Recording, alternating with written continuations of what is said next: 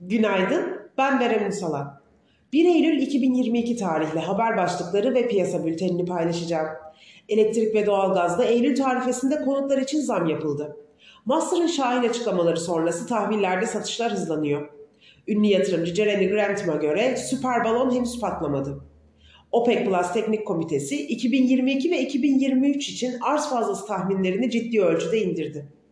Hisse senetleri küresel çapta değer kaybederken dolar güçleniyor.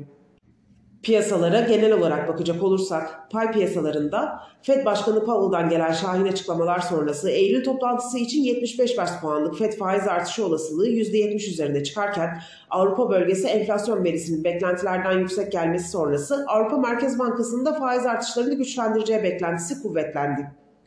Fed üyelerinden Master 2023 yılı başlarında faizlerin %4 üzerinde görmek istediğini ve 2023 yılında faiz indirimini desteklemediğini açıklarken bu açıklama sonrası piyasalardaki riskten kaçış ve satış baskısı güç kazandı. Merkez bankalarının faiz artışlarını güçlü şekilde devam ettireceği ve bunun resesyona neden olabileceği beklentisiyle global riskten kaçışın devam etmesi beklenmektedir. Bugün başta imalat verisi olmak üzere ABD'de açıklanacak veriler takip edilecek. Zayıf gelebilecek veriler yurt dışı borsalarda satışları derinleştirebilir. Borsa İstanbul her ne kadar yurt dışı borsalardan bağımsız hareket etse de yurt dışı borsalarda satışın derinleşmesi endekste kar satışlarını tetikleyebilir.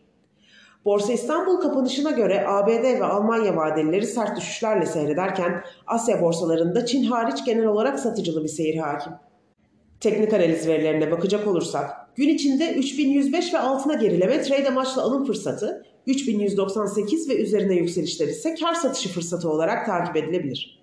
Viyop tarafında ise gün içi long pozisyonlar için 3559, short pozisyonlar için 3671 seviyeleri zarar kes seviyesi olarak izlenebilir. Borsa İstanbul'un endeks kontratının güne negatif bir eğilimle başlamasını bekliyoruz. Kazançlı günler dileriz.